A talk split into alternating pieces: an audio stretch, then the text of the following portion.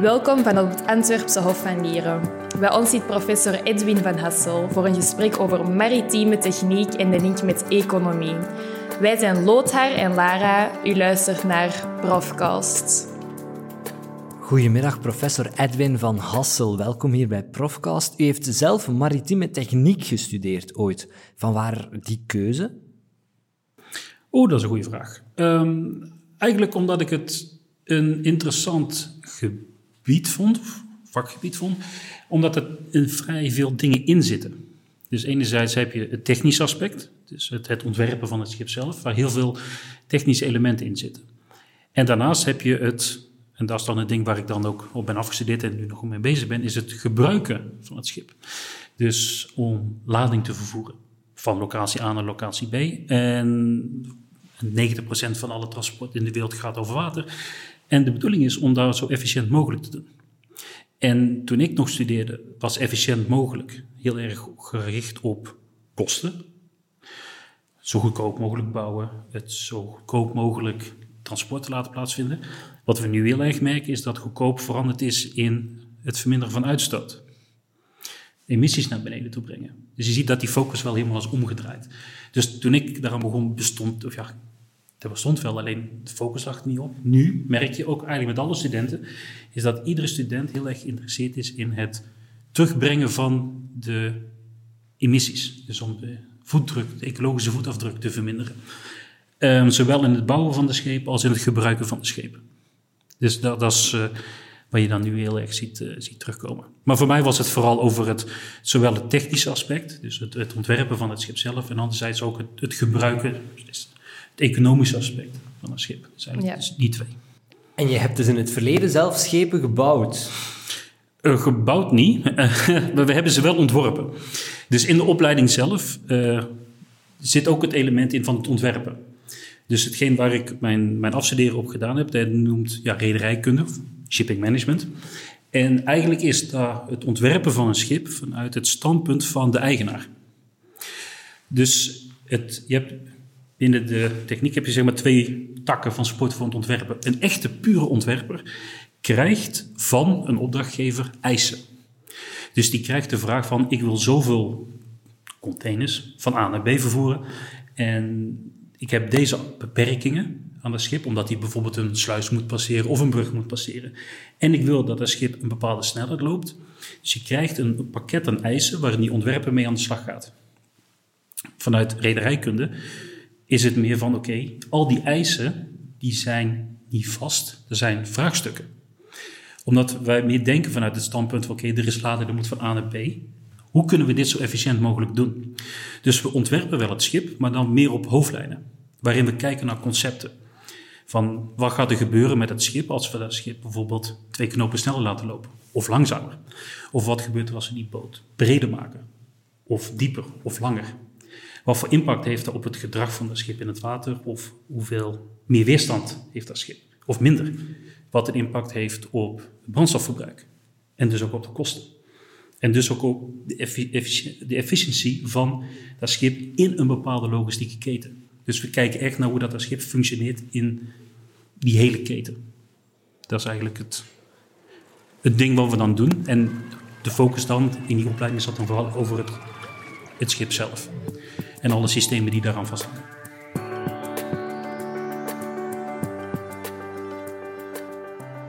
Dus je doet ook onderzoek naar smart docking, heb ik gelezen? Ja, onder andere. Ja. Um, waarom is dit belangrijk of hoe bent u daarop gekomen? Ja, dat is een goede vraag ook weer. wat, wat, is het eigenlijk? Want ik weet, ik weet zelfs niet wat het is. Ja, de smart docking dat is een project dat we met, uh, met Bukani doen. Dus Bukani is een van onze doctoraatstudenten. En die heeft een, eigenlijk meegedaan aan een hackathon, van een, een onderzoeks, uh, online onderzoeksuitdaging van het havenbedrijf. Waarin er een probleem werd neergelegd. En Bocani heeft daar wat dingen voor bedacht. En op basis van wat hij daar bedacht heeft, hebben we ook samen met Thierry dan een voorstel geschreven om daar verder uit te werken. En hebben dat voorstel hebben we gewonnen. En Bocani is daar nu uit aan het werken, dus die is nu dat ding aan het maken. Dus de vraag is nu, wat is hij dan aan het doen? Het gaat over het plaatsen van sensoren aan de kaaien om te meten hoe dat een schip zich beweegt ten opzichte van die kaai. En die verplaatsingen zijn relatief beperkt. Kijk, normaal, een schip is afgemeerd, dus die ligt met trossen vast. Dus die ligt soort van vast aan die kaai. Maar als er een schip passeert, dan staan er golven en gaat dat schip bewegen. En die kan een klein beetje verdraaien ten opzichte van die kade. Op zichzelf is er allemaal geen ramp. Alleen tijdens het laden en het lossen, zeker als het gaat over containers, kan het zijn dat tijdens het laden of het lossen van de container, als hij in het ruim komt, dat die een celguide raakt. En die celguides zijn groeven die in het schip zitten, waarin die containers invallen. Dus dat ze vastzitten, zeg maar. En op het moment dat dat schip te ver draait, en die container komt met grote snelheid naar beneden toe, en dat past niet, knallen die op elkaar. En ontstaat de schade. En nu is de vraag, wiens schuld is dat? Is het de schuld van de eigenaar van die boot? Want die moet namelijk ervoor zorgen dat die boot stevig vast ligt. Of is het de schuld van degene die de container laat zakken? Die moet voorzichtiger zijn. Die mag niet zomaar hoge snelheid dat ding naar beneden laten vallen. Dus wat Bocani kan doen met, met die applicatie die iemand maken, is om te meten hoe dat, die, dat schip verdraait. En als hij te ver verdraait ten opzichte van wat nog toelaatbaar is, dan moet er een alarm afgaan. Bij degene die dus die container laat zakken. Om dus af te remmen. Om dus ervoor te zorgen dat dus die beschadigingen niet plaatsvinden. Dus dat is heel in het kort wat hij aan het doen is. Dus die is nu die sensoren aan het testen. Hij heeft uh, volgens mij de rand van dit gebouw al een paar keer opgemeten vanuit zijn bureau. om te zien hoe dat die sensor werkt. Uh, en die werkt vrij goed. Hij heeft ook dus een, zijn bureau ook opgemeten. Dus als er een deur open gaat en dicht, dan kon hij dan ook opmeten. En nu is de bedoeling om de, die sensor en, het, de software die hij gemaakt heeft op een minicomputer te zetten. Die dingen te integreren in een eenheid. En die moeten dus dadelijk geplaatst gaan worden aan de KAI in Antwerpen. Op, er wordt een testzone aan, aan de KAI, waarin dus daar uitgeprobeerd gaat worden. Om te zien hoe dat het werkt. Zo'n beetje zoals automatisch parkeren bij auto's. En... Daar kunnen we het mee vergelijken. Bent u zelf ook kapitein? Nee, nee, nee, nee, nee, nee, nee, nee. Ik ben misschien de, de, de beste stuurlaars aan wal, dus dat geldt ook voor mij. Dus. nee, ik, ik wel, wel, natuurlijk wel gevaren en dat soort dingen, maar ik ben geen, eh, niet iemand met een, met een vaarbewijs of iets. Eh. En met wie hebt u dan gevaren? Oh, wel eens met, met mensen meegevaren op, op, eh, op een zeilbootje of zoiets. Maar dan, dan, dan laat ik mij graag vertellen wat ik moet doen.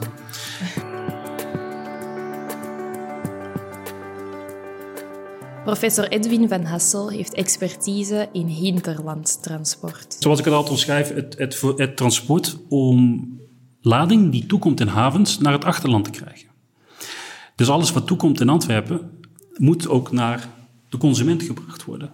Dat moet vanuit Antwerpen naar de stad Antwerpen komen, maar gaat ook een groot gedeelte door naar, naar Luik of naar Duitsland. Of stukken zelfs naar Polen toe of naar, naar Oostenrijk, Zwitserland, Frankrijk. Dus al die lading die hier toekomt, over een groot gedeelte van, moet dus naar het achterland vervoerd worden. En daar zijn dus die verschillende opties voor. Er zijn dus die weg, spoor, binnenvaart.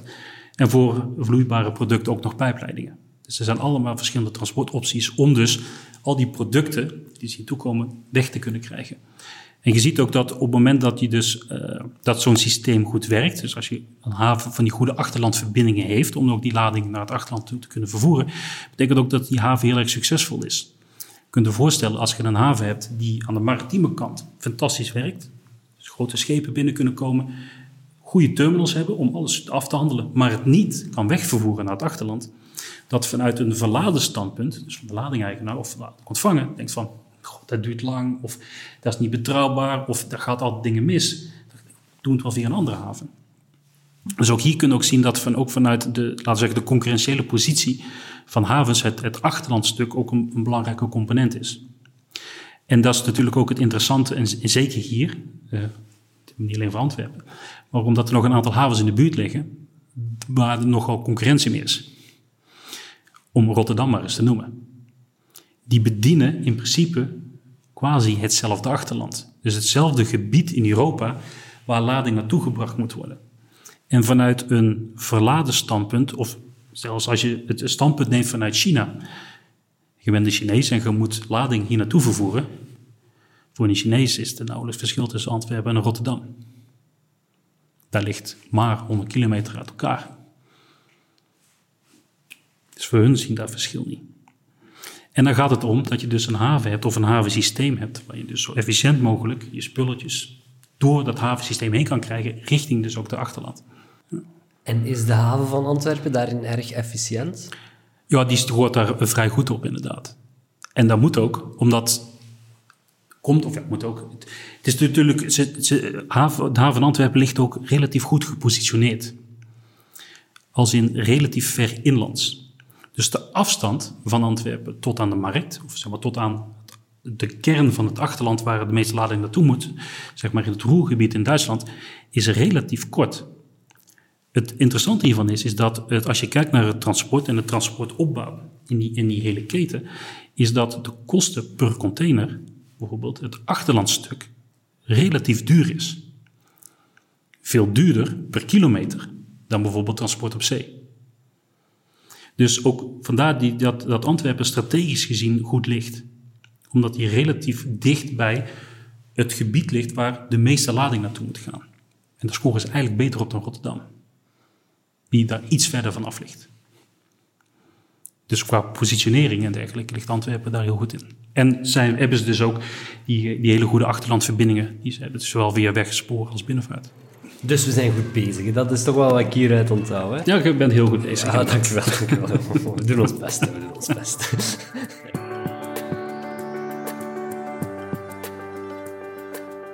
Piraeus is de haven bij Athene in, in, uh, in Griekenland.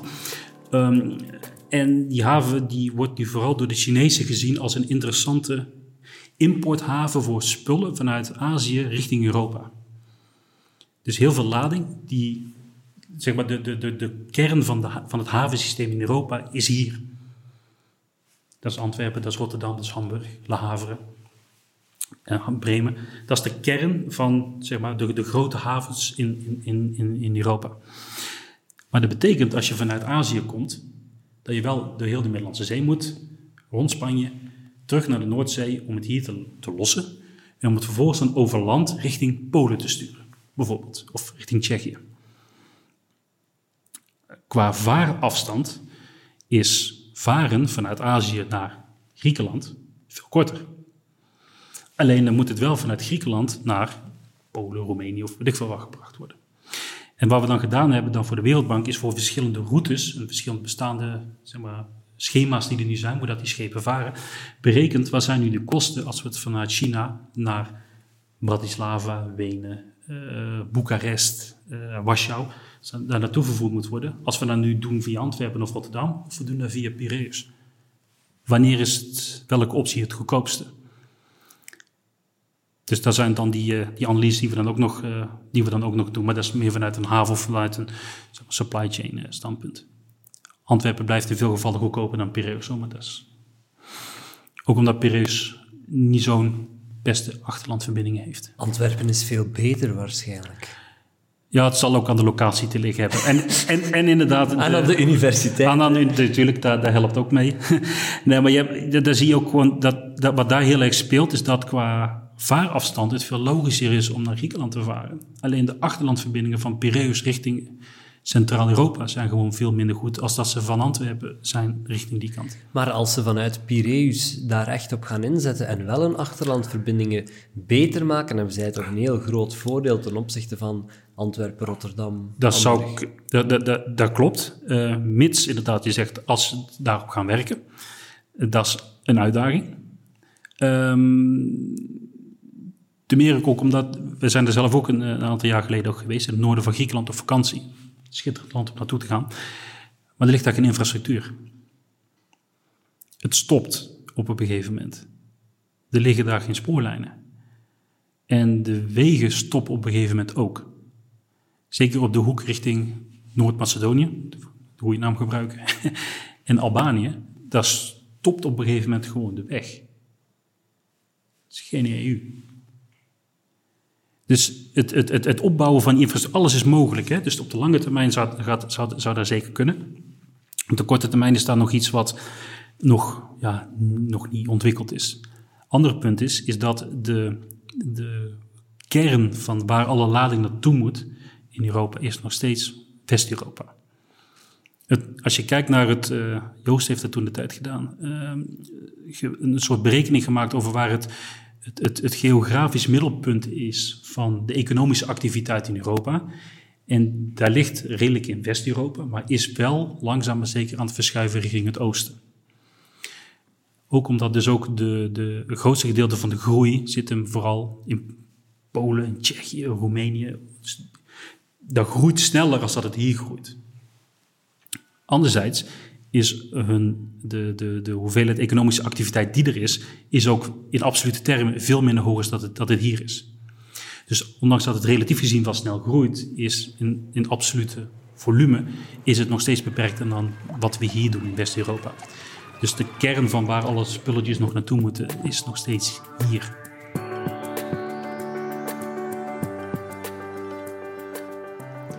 Edwin van Hassel is betrokken bij het project Novimar. Ehm, in Novimar hebben we gekeken ook naar het, laten we zeggen, het verbeteren van het binnenvaartsysteem. En wat we, daarna, uh, wat we daarin gedaan hebben, is gekeken naar of het mogelijk was om platooning toe te passen voor binnenvaartschepen. En platooning is een concept eigenlijk wat gebruikt wordt op wegtransport, waarbij de twee vrachtwagens heel kort achter elkaar rijden. Waarbij de eerste vrachtwagen de achterste bestuurt. Dus dat er een soort, laten we zeggen, digitale connectie wordt gemaakt, waarbij de eerste vrachtwagen zeg maar, bepaalt hoe hard dat er gereden wordt en waar dat er naartoe gereden wordt. De andere die volgt die. Met het idee dat de bestuurder iets anders zou kunnen gaan doen. Het idee was nu om dat concept ook toe te passen voor binnenvaartschepen. Maar waar we, waarbij we dan kijken naar dat die volgschepen, dus je hebt het, het, het schip dat voorop, voert, op, voorop vaart, dan noemen we het uh, de lead vessel, het leidend schip. En die had de autonomie over de trein. Dus over het, het rijtje met, met schepen die erachter aan varen. Een soort moeder-eend met baby-eendjes erachter. En de eerste schip, daar zat bemanning op, of zit bemanning op. En die bepaalt de route van die trein. De schepen die erachter zitten, die volle schepen, die hebben minder bemanning. Dus maximaal één, twee mensen die dus aan boord zitten om het systeem in leven te houden. Maar niet meer om te navigeren, omdat de eerste schip dat deed. Dus je krijgt dan een treintje van, van, van, van schepen. En in dat project uh, zijn er een aantal mensen geweest die dus die techniek hebben gemaakt om dat zo te doen. Er hebben mensen gekeken naar, oké, als we dus minder mensen nodig hebben, hoe gaat dan dat schip eruit zien? Dus het herontwerpen van zo'n schip. Er hebben mensen gekeken naar de veiligheid. Oké, we dit gaan doen, is dat nog wel veilig genoeg? En wat wij hebben gedaan ook, uh, is dat wij ook hier een model voor gebouwd hebben om te zien wat hier de economische voordelen van zijn. Van hoe werkt dit systeem dan? Welk businessmodel hoort erbij? Welke kosten kunnen we hiermee besparen? Hoe, ja, werkt dit? Hoe moeten we dit in de markt zetten? Wat voor businessplan? Dus al die, die economische vraagstukken die eraan gekoppeld waren, die hebben wij daarin uh, ja, in opgelost, zeg maar. En daarom een, een model meegebouwd. Om die, dat concept van die trein zeg maar, uit te rekenen. En wat zijn de resultaten? Is het economisch een succes? Uh, ja, het, het kan. Het, het, het is mogelijk, maar het is mogelijk op een heel beperkt deel van het netwerk. En daar bedoel ik mee dat het vooral zou kunnen werken, economisch gezien, op de assen tussen Antwerpen, Rotterdam en Duisburg. En dat zijn de drie locaties waar het meeste binnenvaartvolume is om die, die, die trein op te zetten. Het, de uitdaging van die trein is dat je dus een leidend schip hebt. Dus je hebt iemand die voorop moet varen, en, zodat anderen die kunnen volgen. Dus op het moment dat er geen leidend schip is, kunnen de schepen die dus geen leider hebben, niet varen. Want die hebben te weinig mensen om te mogen varen. Normaal heb je voor een groot binnenvaartschip vijf tot zes mensen nodig om te varen. En nu hebben we er nog maar twee, dus die mogen niet varen. Dus die moeten wachten tot er iemand voorbij komt om hun mee te nemen. Dus om die schepen niet te lang te laten wachten, moeten er dus genoeg leidende schepen zijn. Die op regelmatige basis vertrekken. Want als die frequentie te laag is, betekent dat die schepen zo lang stil liggen dat de kost hoger wordt om in dat systeem te zitten dan het niet te doen. Dus zo'n systeem werkt als er genoeg volume is. En het is dat stuk van het netwerk, dus waar de grootste binnenvaartvolumes zitten, vooral voor die containers, waar dit op zou kunnen werken. Dat is vanuit het economische standpunt, vanuit het technische standpunt werkt het. Dus er zijn trials geweest of testen geweest, waarin er dus een schip is geweest. We hebben daar helaas niet bij mogen zijn door corona. maar er was een, een, een waar een, een cruiseschip achter zat. waar de bedoeling was waar wij allemaal op zouden kunnen gaan zitten, wat automatisch dat schip volgde. En dat heeft hij gedaan. Dus ze hebben een test uitgezet op de Haringvliet, waarbij dat schip dus een route vaarde. En de kapitein van het schip dat erop zat, heeft met zijn handen omhoog gestaan en dat schip heeft gevolgd. En hij heeft eigenlijk precies gedaan wat hij moest doen. Dus, dus conceptueel, van het technisch standpunt, werkt dit. En ze kunnen daar niet zoals bij een echte trein gewoon een soort van kabel tussen hangen en... Dat is een, een, een interessante opmerking. Dat heeft uh, eh, 100 jaar geleden bestaan. Dat noemen we sleepschepen. Het concept is niet nieuw. De sleepschepen waren schepen zonder aandrijving, waar een ketting aan hing. En die werden, zoals dat ding al zegt, gesleept.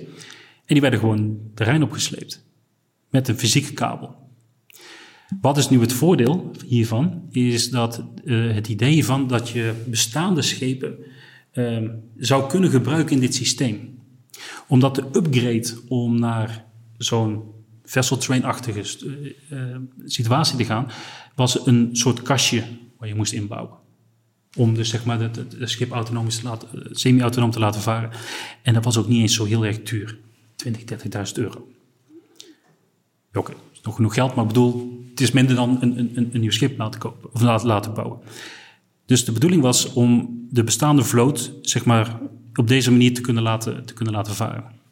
Het voordeel zou dan ook zijn, we hebben er ook nog naar gekeken, is dat als je nog met twee mensen aan boord zit en je volgt zo'n leidend schip en je passeert de haven waar je naartoe moet om je lading te lossen, dat je jezelf uit die trein zou kunnen ontkoppelen. Dus digitaal ontkoppelen. En dan heel even zelf de besturing overnemen, om dan twee, drie kilometer te varen vanuit die trein naar bijvoorbeeld die haven, om dan af te meren. Om daar te laden en te lossen, om te draaien en te wachten tot er weer een ander schip passeerde, of een trein passeerde, waar je dan weer twee kilometer zelf moest varen, om dan weer digitaal aan te haken, om dan weer mee terug te gaan naar bijvoorbeeld weer, weer terug naar Antwerpen. En dat kan een sleepschip niet, omdat hij geen eigen aandrijving heeft. Dus hier maakt hij gewoon gebruik van alle infrastructuur die nog gewoon in dezelfde schepen zit, waarbij het grootste gedeelte van de reis je eigenlijk met minder mensen gaat varen. En die leiderschepen, wat halen die er dan uit? Want die moeten eigenlijk nog steeds alles doen dan. Dat klopt. Dus wat we, en dat zat ook in die, in die businessmodellen. Dus het businessmodel wat er zo had opgezet, is dat dus zo'n leidend schip, die krijgt dus een extra taak. En voor die taak kreeg hij een vergoeding. Dus die werd betaald door die volgende schepen. Dus degene die volgde, dus we hadden een, een, een organizer, een vessel train organizer, iemand die de boel organiseert. En die betaalde die, uh, de mensen die dus leidende schepen zijn, hè, want die moeten iets, iets extra's doen. En de mensen die volgden, die betaalden daar een, een, ja, een soort subscription fee voor. Dus die betaalden een vast bedrag, zodat ze onderdeel mochten worden van die train. Maar die, we moesten er wel voor zorgen dat dus hetgeen wat ze betaalden om mee te willen doen aan die trein, niet groter mocht zijn dan de benefits die ze behaalden door met minder mensen te varen. Dus dat was een soort balanceeroefeningetje om te zien wanneer dat er zou passen. En daar, de, er zijn situaties, dus tussen Antwerpen, Rotterdam en Duisburg, dat dat zou kunnen. Zodat iedereen benefits heeft om hier aan mee te willen doen. Dus het leiderschap had een extra bron van inkomsten. Maar nu wordt nog, nog niet uh, actief echt gedaan. Nee, het is een uh, project dat is afgerond in, we zitten nu in maart, hè? denk uh, oktober vorig jaar. Is het afgerond. Dus er zijn nu de mensen die dus de techniek hebben gemaakt om, het, om zo in vessel trains te varen. Dat product is beschikbaar. Dus het wordt nu gebruikt, maar het wordt niet gebruikt op de manier zoals wij het nu hadden, hebben uitgewerkt. Die gebruiken het nu als soort tijdelijke treintjes. Dus zoals wij het hebben berekend, en zoals wij het hebben opgezet in dat project, was het heel erg vooraf georganiseerd. Dus er was iemand die dus dat hele spul organiseerde. Zei, oké, die schepen, leidende schepen zijn hier, volgende schepen zijn daar. Die gaan we bij elkaar brengen, gaan hier een trein maken en dan varen. Zoals we het nu zien, zeker met die, start, met die opstartfase, is om te zien of er wat we noemen momentane treinen kunnen ontstaan.